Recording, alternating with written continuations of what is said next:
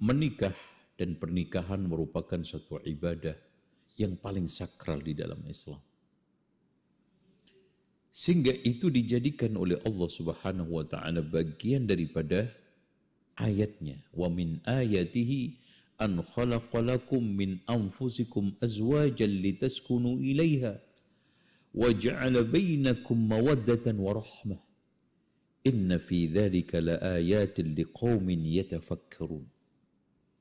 Subhanallah. Tidaklah sesuatu yang dimasukkan ke dalam bagian ayat-ayat Allah kecuali memang itu mengandung berbagai macam kebaikan yang besar satu kemuliaan yang diberikan Allah yang tiada taranya bagi kehidupan manusia. Kemudian Rasulullah Shallallahu Alaihi Wasallam juga bangga Bahkan menyuruh umatnya untuk menikah itu tujuan utama pertama adalah agar ada keturunan. Sehingga Rasulullah katakan tazawwajul wadudul walud fa inni mukathirun bikumul umama yaumal qiyamah. Menikahilah wanita yang al-wadud pecinta yaitu mencintai kita. Jangan dipaksa tidak suka atau tidak sepakat dan subur kandungannya. Karena aku itu bangga memiliki umat yang banyak nanti di hari kiamat. Allahu Akbar. Kenapa? Karena anak itu pelanjut masa depan kita. Dan juga menjaga ketika kita saat lansia. Bahkan Rasulullah Shallallahu Alaihi Wasallam katakan hadiah terbesar dari seorang anak adalah waladin salihin yad'una kecuali bagi orang yang tidak memiliki perspektif akhirat. Dia kehidupan memang untuk bersenang-senang di dunia. Kalau memang itu, itu adalah tradisi orang-orang kafir.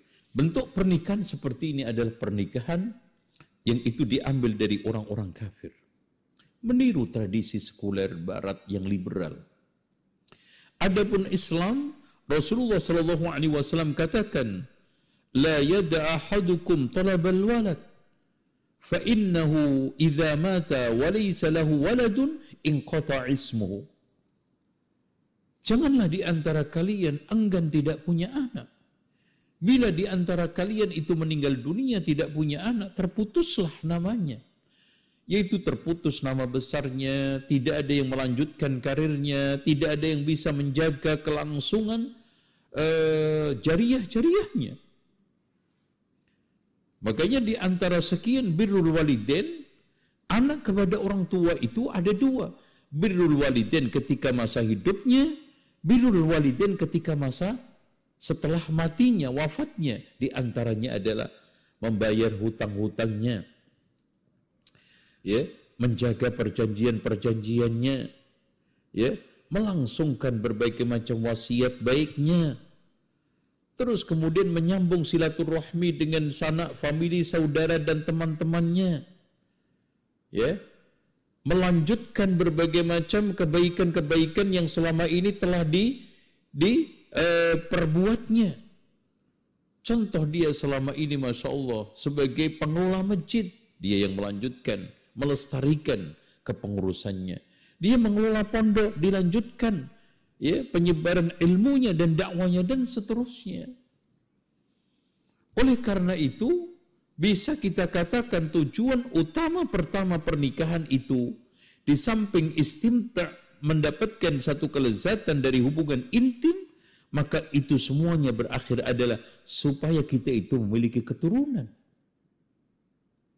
Dengan demikian, menikah dengan niat atau tidak pingin bahkan tujuannya supaya tidak punya anak ini menyelisih sunnah Rasulullah Shallallahu Alaihi Wasallam pertentangan dengan tujuan utama pernikahan dan mengikuti tradisi Barat yang sekuler, liberal, yang sama sekali tidak memiliki perspektif akhirat di dalam dia membangun rumah tangga. Ya, wallahu a'lam.